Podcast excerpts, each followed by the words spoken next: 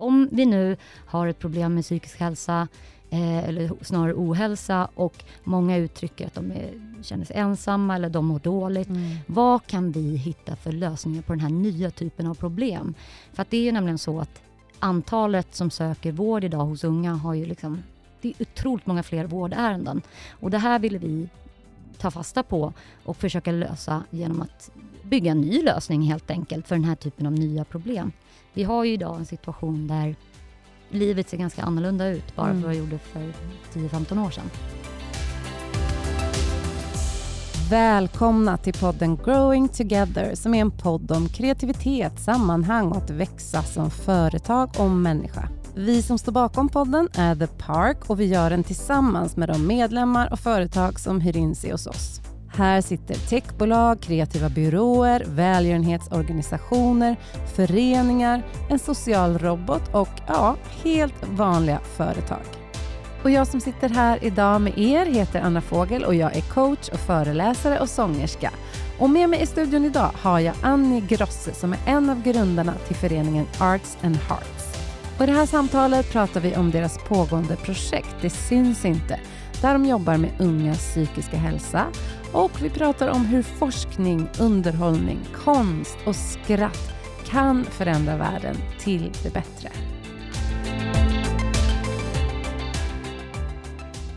Hej Annie och välkommen. Tack. Så Tack kul, Anna. Så kul att du är här idag.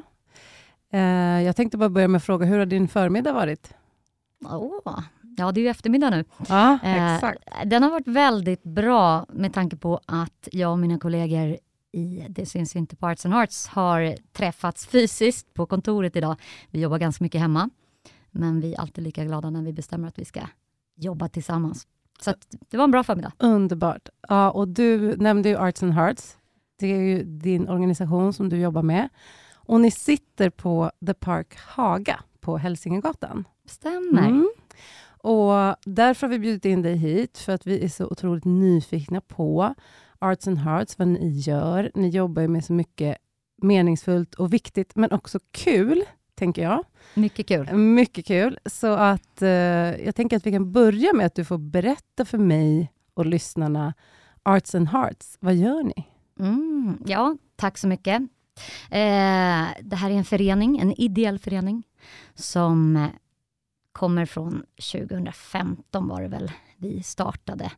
Och eh, det kom utifrån ett brinnande engagemang. Att vi ville genom scenkonsten eh, lyfta olika samhällsangelägna frågor och samla in pengar till det genom att sätta upp någon form av scenkonst. Och med intäkter då donera det till en viss vald organisation som jobbar med en fråga då, som vi hade liksom valt ut. Så det är en ideell förening eh, som började med ideella krafter utifrån eh, ja, ett engagemang och ett ursprung. Vi var tidigare studenter i Uppsala, kände varandra därifrån, hade väldigt mycket kul att ta eh, som språngbräda kan man säga. Och eh, det var eh, Ulrika Larsson som initierade den här ideella föreningen eh, tillsammans med Sissela Nutley som är min, mina kollegor idag egentligen.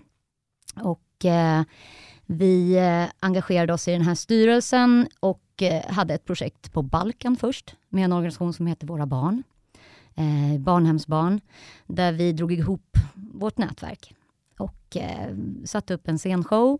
Vi producerade själva och lyckades dra in 160 000 till den här organisationen. Wow. Så det, det, det blev ett startskott för oss och sen så landade vi i eh, en organisation som heter Tjejzonen och frågan kring psykisk hälsa hos unga tjejer. Och eh, vi skrev en musikal med manus då av eh, just Ulrika Larsson och Sissela Nattli som är ett radarpar utifrån studenttiden och har producerat många grejer tillsammans. Och eh, vi lät eh, olika låtskrivare, eh, både i vårt nätverk men andra mer professionella, skriva musik. Eh, och så satte vi upp det och tanken var då att det skulle bli fyra, fem föreställningar på Playhouse på Drottninggatan här i Stockholm. Eh, men det blev det inte. Vi, hm, det, blev, det blev startskottet för något mycket mer. Mhm. Och det här var 2015?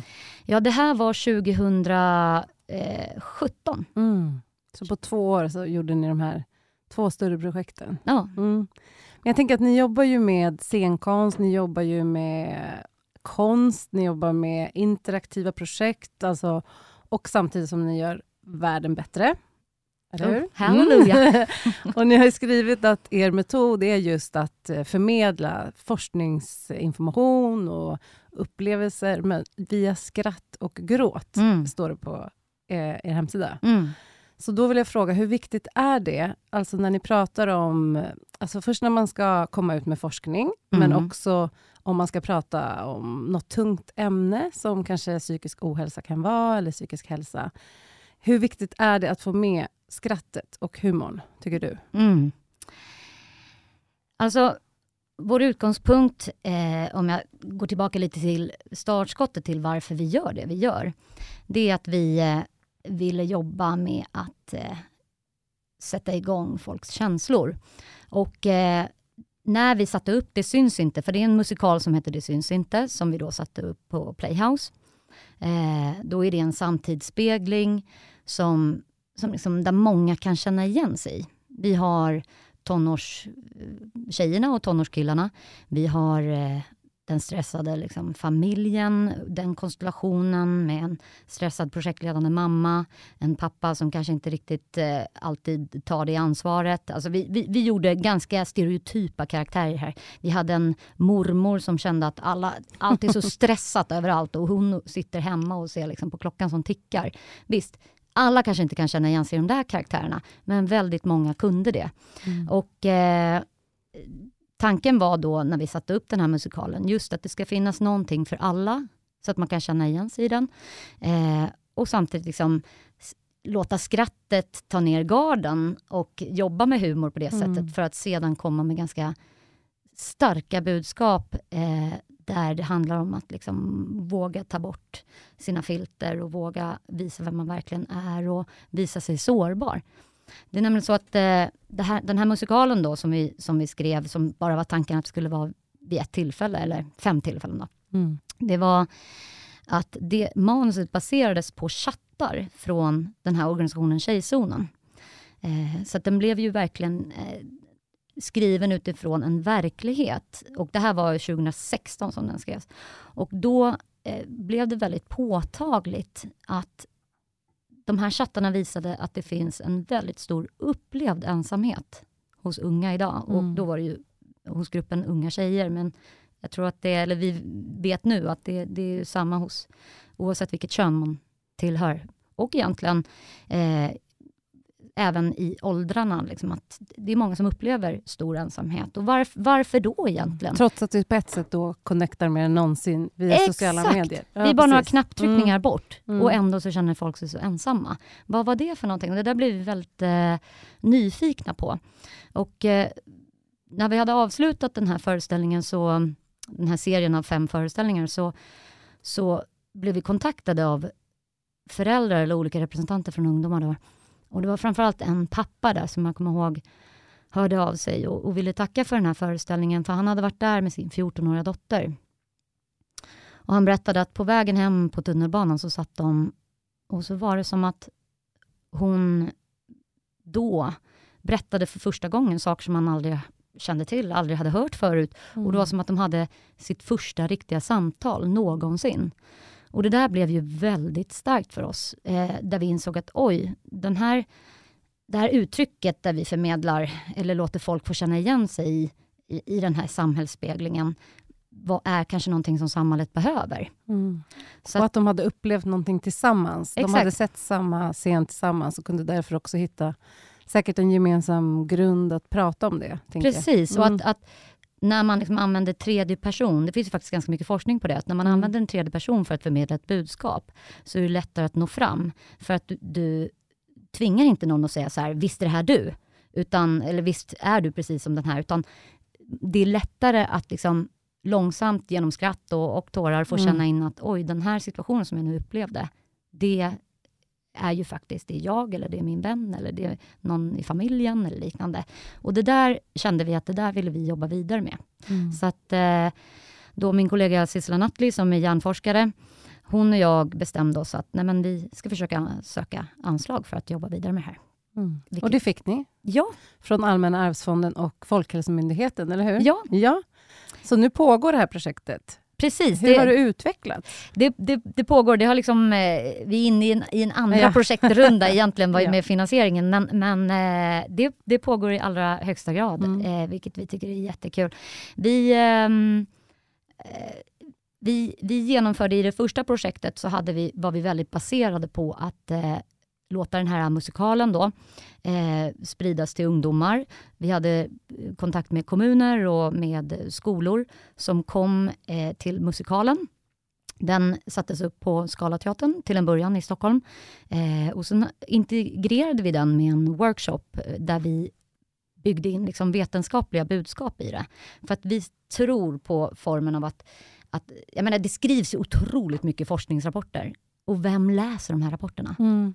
Kanske inte en, en ung 14-åring? Nej, kanske inte ens en vuxen. kanske inte ens en 48-åring. Nej, precis. Nej. Och det där kände vi bara att om vi nu har ett problem med psykisk hälsa, eh, eller snarare ohälsa, och många uttrycker att de är, känner sig ensamma eller de mår dåligt. Mm. Vad kan vi hitta för lösningar på den här nya typen av problem? För det är ju nämligen så att antalet som söker vård idag hos unga har ju liksom det är otroligt många fler vårdärenden. Och det här ville vi ta fasta på och försöka lösa genom att bygga en ny lösning helt enkelt för den här typen av nya problem. Vi har ju idag en situation där eh, livet ser ganska annorlunda ut bara mm. för vad det gjorde för 10-15 år sedan. Mm. Och fall när vi växte upp. Verkligen. Och vad ser ni då utefter det ni har fått fram? Vad är de största orsakerna till att unga människor, så många, inte mår bra? Det är en väldigt stor fråga givetvis och det, det kan ju vara olika för olika men, människor. Eh, men vi ser, vi tar fasta utifrån att livet och, och, och ser annorlunda ut idag. Mm. Inte minst för att vi är så uppkopplade och genom att vi ägnar väldigt mycket tid åt skärmar och digitala medier och digitala tjänster, så är det som en undanträngningseffekt för det som vi också behöver. För att hjärnan har sju grundläggande faktorer, skyddsfaktorer, som vi också behöver för mental hälsa. Mm. Och det blir liksom utkonkurrerat. Och det här har vi tagit fasta på, att liksom sprida viktiga forskningsbudskap, viktiga vetenskapliga budskap som handlar om prevention av psykisk hälsa, att folk, liksom, och välbefinnande inte minst, eh, för, genom då på ungas sätt. För att många använder telefonen för att bli underhållna idag. Mm.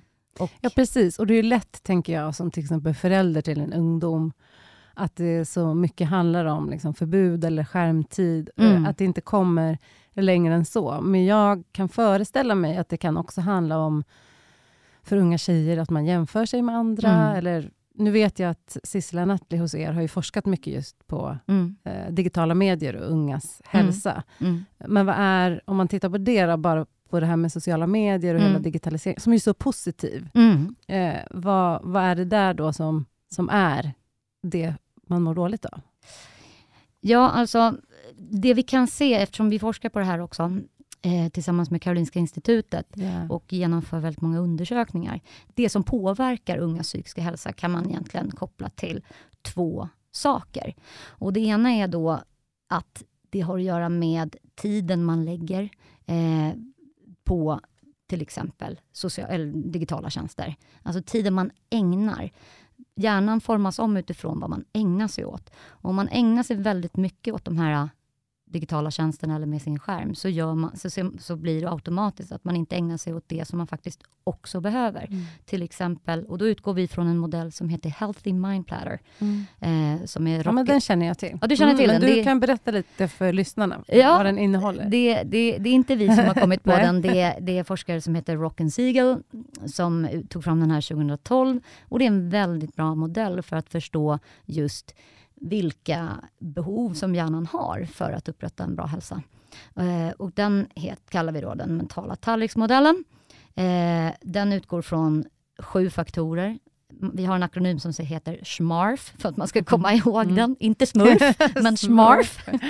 SMARF. SMARF. Och den första är då sömnen. Ja. att man ska sova mellan 8 och 10 Mm. timmar när man är mellan 13 och 18 år. Det är en, en grundregel. Yes. Mm. Och, och sen är det chilltid, att man ska ägna sig åt någonting som är utan prestation, Mm. att man får chilla. Och då får inte chilltiden vara med telefon då, eller? jo, det kan det vara. Alltså, inte Bara nödvändigtvis... prestationsfritt? Ja, men prestationsfritt, att man får liksom Mm. koppla av, att man kan vara spontan eh, och så vidare. Men behöver inte prestera. Men det är en viktig del också. Sen har vi då i den här SMARF-akronymen H då som hjärnvila. Där det ska vara att ens tankar kan vandra fritt. Ni kommer ihåg när man eh, satt på busshållplatsen, när vi växte upp? Mm. Då satt man ju där och väntade och bussen kom inte. Och det var inte så att man hade någonting att titta på. Möjligen hade man en bok eller, eller liknande. Men då satt man ju och bara liksom lät tankarna vandra fritt och tittade rakt ut. Och den där tiden är väldigt minimal idag. Exakt, och jag har jobbat en del med stresshantering och jag brukar också ta upp just det där exemplet med bussen. Mm. Att vi behöver aktivt hitta pauser på ett annat sätt idag. Mm. Eftersom vi är så, det är så mycket information hela tiden, så mycket Mm. inflöde och intryck. Mm.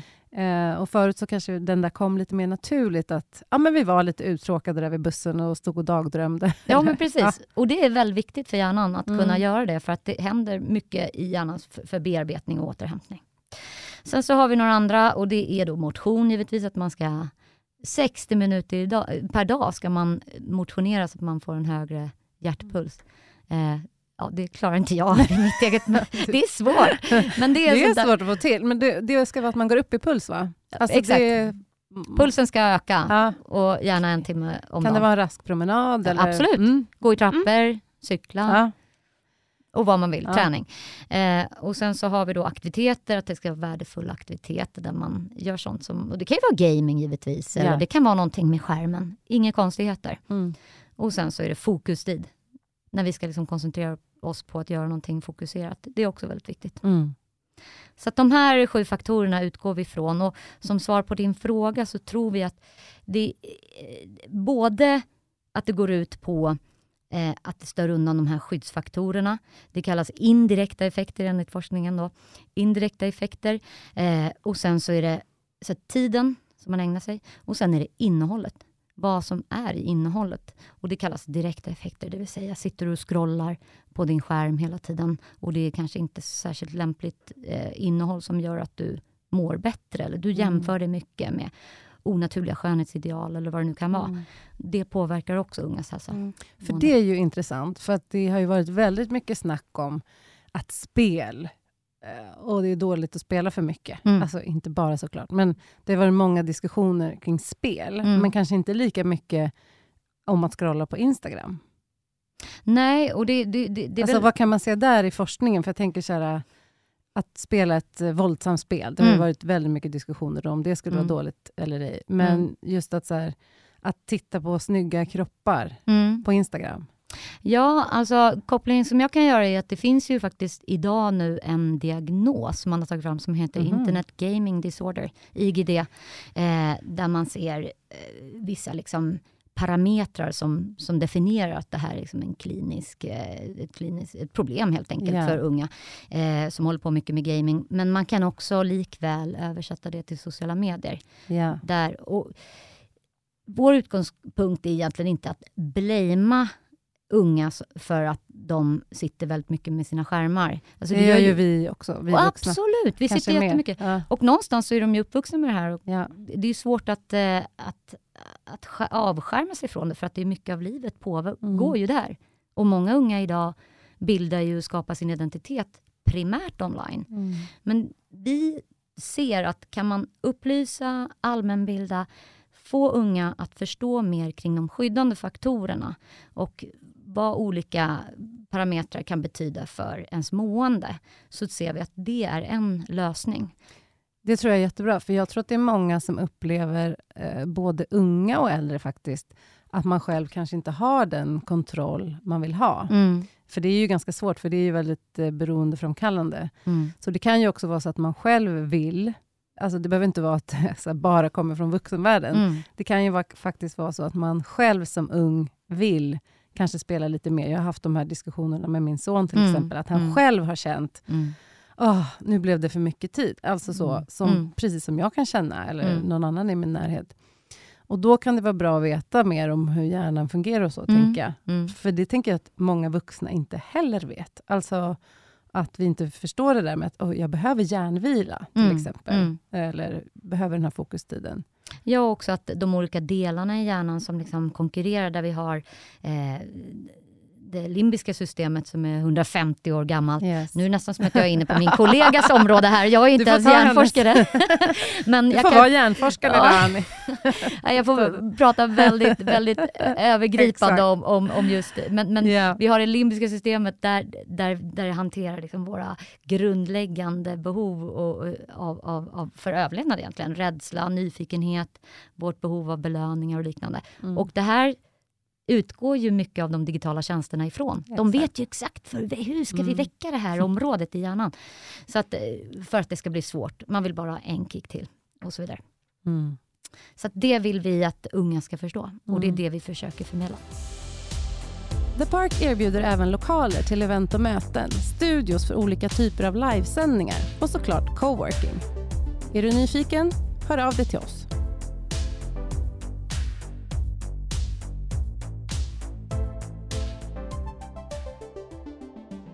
Vad tycker du då att en förälder ska göra som inte vill hamna i ett sånt här tjatträsk om skärmtid och, och det är så dåligt och man låter som en jättegammal människa Ja. som inte har koll på läget. Jag är också en sån gammal människa i mina barns ögon. Så det, det är jättesvårt. Så här, hur kan man ha de samtalen då på ett bra sätt? Ja. Eh, vi tror på att eh, liksom ge unga eh, en bild av att man förstår, man förstår dem. Att det pågår väldigt mycket på nätet som är viktigt att, eh, liksom att ta del av. Eh, och att, men att ändå visa på så här, vad är konsekvenserna om man sitter så här länge och att visa på vad kan man göra istället. Jo, Mm. men man kan ta en pomodoro-paus, man kan se till att lägga undan telefonen när man ska plugga, för att det är lättare att fokusera, du får bli fyra gånger mer effektiv. Alltså att, men också, vara där och vara Mm. ett stöd i det. Eh, det. Det här kan vi prata hur länge som Mm. helst om, men, men att, generellt att också visa sig, att visa själv att man tycker att det är svårt. Att inte vara så dömande, utan försöka hitta strategier tillsammans.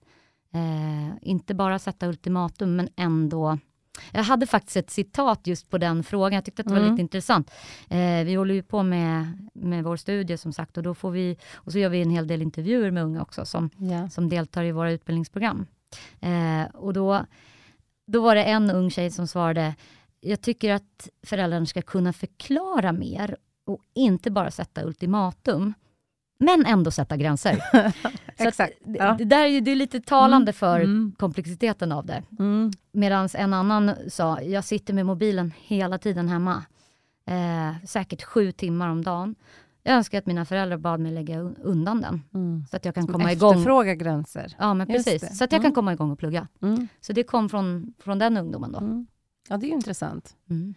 Men du, eh, om man vill ta del av det här materialet, är det bara via skolor eller kan, kan man göra det som privatperson också? Ja, Mm. alltså just nu, det, vi har inte kommit in på vad det här materialet Nej, är exakt. egentligen. Det måste vi också berätta. Just nu så Börja med det. precis, just nu så jobbar vi väldigt eh, tajt med eh, kommuner och med skolor. Eh, vi har eh, tanken att vi skulle liksom ta fram ett material som riktar sig specifikt till familjer och föräldrar. Vi har givetvis en del, en del material, bland annat eh, liksom korta filmklipp med tips för nära vuxna, heter den, som finns fritt tillgängligt Mm. eh, via, via vår portal. Eh, så där får man gärna kika i eh, på det syns inte learnworlds.com Ja, slash nära vuxna. bra. Men, ehm, Vi kan lägga ut en länk sen i Mm. avsnittet. Gärna. Mm. Men, eh, ja, men ska vi prata lite om eh, vad är det för material vi jobbar med? Ja, men berätta, för det är ju, någonstans är det ju er unika metod, Mm. tänker jag, som också är så spännande att höra mer om. Mm. Eh, Vad kul. Berätta vad det finns för material på Det syns inte. Ja, nej men så här, vi, vi höll ju på med scenkonsten. Ja. Eh, vi hade en Sverige-turné där vi skulle runt till massa tusentals människor eh, med den här musikalen som vi integrerade med forskningsbudskap helt enkelt. Eh, och vi hann spela den för 30 000 personer mm. faktiskt och träffa dem i det fysiska rummet. Det var väldigt, väldigt rolig tid. Sen kom den härliga pandemin. Uh, yes. och eh, vi insåg att oj, här har vi nu en möjlighet att reformera oss lite grann och eh, kan vi skapa någonting eh, med samma metod men digitalt. Mm. Så att vi har eh, idag producerat 200 minuter film på svenska och engelska det är egentligen en, en serie, en, man kan väl, en ungdomsserie kan man säga, mm. där vi jobbar med korta dramafilmer eh, i modulformer, så att vi har lyft ut fem ämnen tillsammans med ungdomar, så fokusgruppade vi fram vilka ämnen vill de lära sig mer om i skolan, men som mm. inte finns på läroplanen. Mm, vad kul! Ja. Mm. Och vilken... Så filmer, ni har gått från scenen till att producera film? Ja, så vi producerar mm. film och vi gör det enligt metoden då att man jobbar med igenkänning för att bygga upp situationer som mm. unga kan känna igen sig i. Och sen så kommer kanske ett stopp i filmen då, där det kommer någon form av experiment eller någon interaktiv eh, aktivitet i klassrummet. Det här mm. är klassrumsbaserat, läraren leder det här och man gör det här tillsammans i grupp i klassrummet. Och sen så jobbar man lite med det och sen så kommer eh, en förklaring av en expert i filmen som förklarar då, vad hände egentligen i den här situationen och utifrån vad ni har diskuterat så är det den här förklaringen från vetenskapen och så varvar vi det där. Så det är den typen av mm. metod vi jobbar. Egentligen ganska likt det vi gjorde på scenen mm. helt enkelt med vår musikal. Men kommer ni komma tillbaka till scenen nu när pandemin är över? Ja, men vi har varit tillbaka lite på scenen ja. redan faktiskt. Eh, I maj spelade vi, och då har vi liksom en komprimerad form av vår musikal som vi kallar edutainment. Yes. Education and entertainment. Yes. Och då spelade vi för 1700 skolsköterskor i Karlstad. Kul. Eh, vi ska ner till Linköping 10 i tionde och spela, då är det världsdagen för psykisk hälsa faktiskt. Och då har Region Östergötland bjudit in oss. Så då ska vi ha roligt. två shower också. Så ja. vi håller på lite grann, men kanske inte just nu med den fullskaliga musikalen. Nej, men det leder mig in på er, mm. eh, ni som står bakom Arts and Hearts. Mm. För det är så spännande när jag läser om er. Ni har ju så många dubbla, trippla kompetenser. Alltså, ni har kompetens inom ekonomi, förändringsledning, pedagogik, neurovetenskap, och sen är ni musikalartister, skriver manus. Jäkla jobbiga människor. och, eh, och, och, ni är också med i era... Liksom, för ni började med att ni spelade ihop? Ja. Eller fattar jag fel? Nej, Nej? det är helt mm, rätt. Mm, vi, alltså, mm. vi hade våra jobb och det var bra så. Och sen så har vi alltid haft någon form av liksom passion för att eh, stå på scen och uttrycka oss eh, på scenen eller möjligen skriva manus eller musik eller något sånt där. Så det, det hade vi liksom en väldigt stark passion vid sidan av våra jobb. Eh, men i och med det här projektet så kunde vi liksom förena just både passion, hjärta och, och någorlunda skills yeah. i, i att kunna kombinera det helt enkelt. Mm. Eh, vi har i vår trupp så har vi Elias Nyberg han är också ekonom, har jobbat med, eh, ja, liksom inom näringslivet. Eh, och sen har vi Sissla då, som är hjärnforskare, disputerad eh, inom... Ja, hon, hennes, hennes fokus är distraktion, uppmärksamhet. Ja. Och sen så har vi eh, en, en anställd som heter Jessica Andersson som är inriktad på pedagogik. Eh, och sen har vi Ulrika Larsson då som är fysioterapeut. Ja. Och sen är det jag som har jobbat... Det är bra om ni måste liksom knäcka någonting ja, eller träna, det, träna någonting efter ni står på scen. Det är guld värt, mm. verkligen. Eh, och sen så är det jag då som jobbar. Mm. Och står alla av er på scen? Eller är det vissa som jobbar mer med manus eller film? Ja, eh, vi har lite olika roller där beroende mm. på vad det är vi ska framföra, men eh, flera av oss gör det faktiskt. Mm. Vad kul. Mm, det är väldigt kul. Mm. Så vad är det roligaste med ditt jobb? Mm. Det är nog eh, dels att det känns som att det behövs, eh, att det uppskattas, att eh, skolor, föräldrar, unga ger, ger oss feedback tillbaka, att det här, det här hjälper. Mm. Eh, så det måste jag säga är det som är drivkraften. Att innovera fram nya lösningar för nya typer av problem. Jag tror att det är ju många av era medlemmar på The Park som som drivs av det. Många entreprenörer och vill liksom... Det är det som är så kul med att träffa alla här. Ja, jag förstår Ja. det. Mm. Ja, men det är ett jättekul ställe att sitta på och Mm. jobba på. Mm. Eh, men sen är det ju att det, är- ja, men att det är fritt, att man kan lyfta luren och, och faktiskt ringa vem man vill, eh, som man tror kan hjälpa. Mm. Ja. Kul. Så att kombinationen, och sen såklart att ni också får göra det som ni, som ni ville från början, stå på scen och jobba med scenkonst. Och, Ja, alltså ha det som Mm. en krydda i Mm. vardagen, även fast det inte allt för ofta är perfekt. Precis. Ja. På The Park Mm. så jobbar vi väldigt mycket med lärande. Mm. Och jag tänker att det ni jobbar med är ju lärande och att inhämta kunskap och kunna integrera den kunskapen i livet på bästa sätt. Vad har du för tankar kring lärande? Och vad behövs för att vi ska kunna lära oss Oj. utifrån era metoder? Nej, men vi tror eh, att eh, alltså lärande, jag är verkligen inte en pedagog, så att, eh, men jag kan bara utifrån vårt perspektiv så ser vi att det finns en, en nytta att liksom visa upp situationer som man kan känna igen sig i, för att Mm. man ska förstå ett budskap och faktiskt ta till sig det. Vi har ju det är liksom en en storm av budskap som hela tiden surrar runt överallt, oss, överallt om oss. Eh, och hur kan man nå fram med någonting som, som det finns kunskap om behöver nås fram till Mm. målgruppen ungdomar. Där tror vi att lärande blir lättare om man kan uppleva det och känna igen sig i, Mm. i situationen som budskapet härrör. Till exempel så intervjuade vi ungdomar efter att de har jobbat då med våra moduler i skolan. Och då var det en, eh, en, en ungdom där som sa att ja, men man har hört mycket om det här med psykisk hälsa och alla pratar om det. Men när jag såg filmen och vi jobbade med det här och jag såg vad som de pratade om genom karaktärens ögon, då plötsligt förstod jag att det här Mm. rör ju faktiskt även mig. Eh, så det där är någonting som vi tar Mm. utgångspunkt från för just lärandet. Mm. Igenkänningen. Ja, Ja. det tror jag är Precis. viktigt. Eh, mm. ja, men det tror jag också. Eh, sen tror jag att kreativitet, nu är det lite personligt för mig eftersom jag också är en kreativ person, Mm. men jag tror att det är bra att lära sig genom att, att vara kreativ på olika sätt. Mm. Eh, nu gissar jag, jag har ingen data på det här. Men det, Nej men det är klart, om det, det är lustfyllt. det lustfyllda, det roliga, Mm. att få delta, att det, det här interaktiva som ni jobbar med, att det inte... Sen är det klart vi lär oss på olika sätt, Mm. eh, alla människor. Alltså Mm. Vissa lär sig genom att lyssna, vissa Mm. genom att titta, Mm.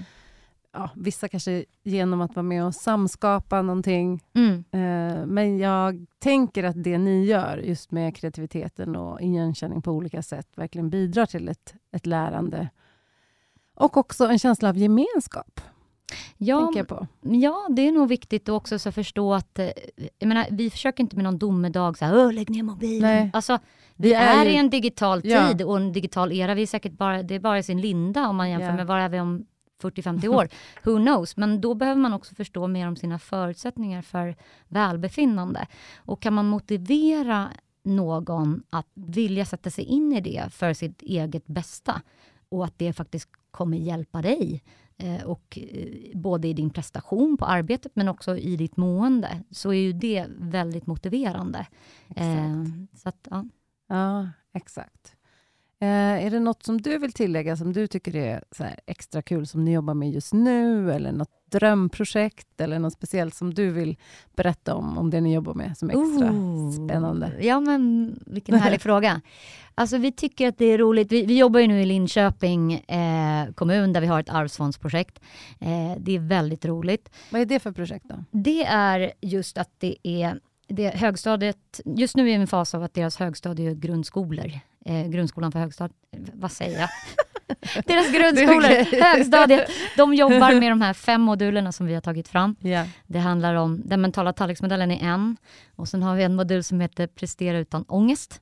Att, varför är det så läskigt att prestera idag? Och vad kan man göra åt Gud det? vad spännande. Mm. Eh, och, och det var faktiskt nummer ett när vi gjorde undersökningar med unga. Så var det det ämnet som kom Det är många som har prestationsångest. Ja, Mm. och jag tror, alltså det fanns ju när vi växte upp också, inga Mm. konstigheter. Mm. Men idag är det ju väldigt mycket jämförelse Mm. i sociala medier och det mycket spelas in. med skärmar och Det sådär. där tror jag är en jättestor eh, anledning till prestationsångest. Mm. Man vet heller inte alltid när man blir inspelad. Exakt, exakt. Eh, du anar inte vilken prestationsångest jag sitter och har här nu. Det här spelas väl in eller? Ja, ja, ja. vi streamar ju live. Ja. Nej, spelar in. Eh, Mm. Nej, men sen så har vi en modul som heter Ta kontroll över din uppmärksamhet. Att det är otroligt my- mycket distraktion som kommer in i våra hjärnor och framförallt då i vårt arbetsminne. Där man sorterar bort alla intryck. Är det här viktigt? Är det någonting jag ska lagra i hjärnan eller inte? Och det där lilla arbetsminnet, det är väldigt litet i förhållande till övriga delar av hjärnan. Så det blir ju lätt liksom övertrasserat. Och när vi ska fokusera så är det viktigt att hålla rent där. Inte hålla för många saker i, i bollar i Mm. luften på samma gång. Så det är en modul. Och sen så har vi sociala medier och spel som går på grunden lite mer kring vilka tricks som so- appar använder eh, för att dra in oss i Mm. spelet igen. Och sen eh, vår femte modul är forma din hjärna. Att hjärnan formas utifrån det som vi lägger tid på. Mm. Lite som och hjärnan är ju plastisk. Ja. Det är ju spännande. Det Just det. trodde man ju inte förut. Nej, det är väldigt, och det är den verkligen. Och Ja. den kan, det som är väl värt att komma ihåg är att hjärnan går att forma om. Exakt. Trots att man är lika gamla som vi, Ja. alltså, eller äldre. Ja. Alltså det, den formas om utifrån vad vi Mm. ägnar oss åt. Mm. Det är otroligt häftigt. För Mm. det, var, ju- det var väl inte så länge sedan eh, man fick reda på det, att den var plastisk. Alltså, Du behöver inte säga exakt nej, jag årtal, kan inte svara på det, men... men eh, jag tror inte det var så jättelänge sedan Nej. i alla fall. Eh, alltså, tidigare trodde vi ju att, den in, att det var mer sen när du blir äldre, då, då tappar du hjärnceller. Och. Speciellt om du dricker ett glas vin för mycket. ska inte promota det, men... mm. Nej. nej, men det var väl, Fattar. just det, när vi växte upp var det mycket så här, åh, du förlorar alla dina Ja, hjärnceller. och de kan aldrig komma igen. Nej, just det. Mm.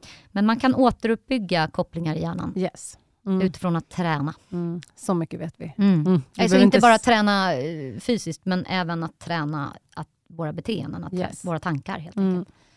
Exakt. Mm. Så mycket vet vi. behöver inte veta exakt eh, årtal. Nej. Nej. Nej, men de där modulerna i alla fall jobbar vi med i Linköping. Det är väldigt kul. Vi har även inlett ett samarbete med Stockholms stad Kul. som också kommer jobba med de här modulerna. Och eh, vi testar nu en pilot på engelska där en skola i Vietnam ska Jaha. testa. Så det, det är väl så här, när du frågade vad har, ser du fram emot, Mm. så är det nog det faktiskt just nu. Mm.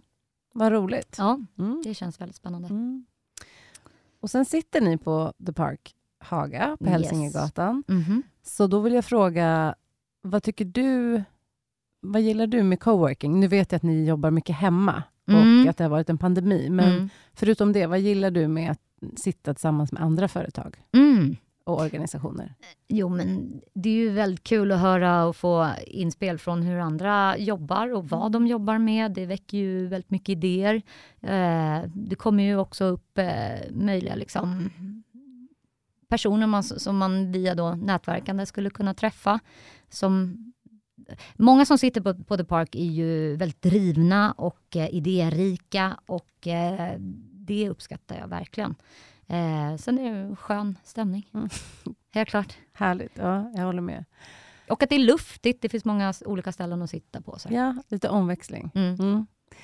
nice. Eh, och när ni jobbar så jobbar ni mycket om att, med att dela erfarenheter eller uppleva saker Mm. tillsammans. Mm. Och den här podden heter ju Growing Together. Handlar ju mycket om att växa tillsammans. Mm. Vad tänker du när jag säger ordet tillsammans?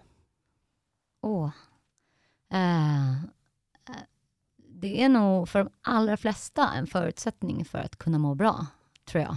Eh, att dela saker med varandra, att hämta energi och inspiration från varandra, att våga vara sårbar tillsammans är ju att våga dela det som känns på insidan men som kanske inte alltid syns. Eh, det tycker jag är väldigt viktigt. Och Mm. eh, någonting som jag tror också gör att man eh, vågar vara mer sig själv. Och när man är mer sig själv och vågar sig, känna sig trygg med andra så tror jag att det är eh, lättare att faktiskt också känna meningsfullaktighet och att livet är fint och bra. Mm. Man måste inte alltid ha någon yt, så mycket yta. Det, går att, det fina finns i det sårbara. Mm. Håller helt med. Och det är det också som är så viktigt med det ni jobbar med. och som jag tycker mig se från när jag var ung, att Mm. man talade inte lika mycket om varken psykisk hälsa eller ohälsa. Nej.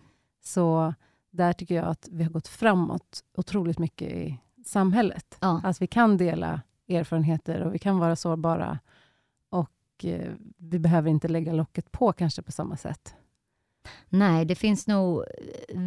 Dagens unga är nog väldigt mycket bättre på mycket än, jämfört med hur det var när vi växte upp, just kring stigma. Mm. Det där stigmat finns ju givetvis fortfarande, men det, vi har kommit väldigt långt med det jämfört med tidigare. Mm. Och det är väldigt roligt att se. Mm. Men det är ett kontinuerligt arbete. Exakt, det är bara att fortsätta helt enkelt. Mm. Ja. Och om lyssnarna nu vill veta mer om er Mm. Och eh, Det syns inte, Mm. eh, eller andra projekt ni jobbar med, var, var hittar de er då? Och, eh, vi har en hemsida som heter just detsynsinter.se. Ja. Där får man gärna trilla in. Vi har även eh, konton på eh, sociala medier. Vi har en podd där poddar finns som heter Det syns inte-podden. Mm. Vi har en app som heter Det syns inte-appen. Mm. Eh, kostnadsfri med tips. Den samlar inte in någon data utan det är bara eh, tips och det finns något självskattningstest och så här. Men vill man ringa oss, vi älskar att få samtal. Vad kul! Alltså, Ja. Alla andra har ju telefonskräck, vad roligt. Nej, vi tycker det är jättekul Ni vill- att prata i telefon. Folk ringer er. Ja. Ja. Eh, man får gärna slå en pling Ja. eller slå ett mejl. Eh, slå säger man slå ett mejl? Slå en drill säger man. Dra ett mejl. Dra ett Dra mejl. iväg ett mejl, säger vi. Ja men gärna. Mm. Får ni någon idé eller någon, någon synaps kan jag säga för att snacka hjärnspråk. Mm. Eh, nej men någon, någon idé på om, om vi ska prata med er eller någon annan ni har tips om. Så jättekul. Så hör man av sig till dig. Mm, jättegärna. Jättekul. Eh, är det något du vill tillägga som vi inte har fått med idag? Oj. Nej, men jag tycker det har varit ett jättetrevligt samtal. Mm. Tack snälla Anna eh, Detsamma. och The Park-podden för att Mm. vi eh, från Arts and Hearts fick finnas med här. Jättekul. Tack Annie. Och tack ni som har lyssnat. Tack så mycket. Hej då. Den här podden producerades av The Park. Vill du göra en egen podd? Då kan du boka in dig i någon av våra fina studios. Kontakta oss på www.thepark.se.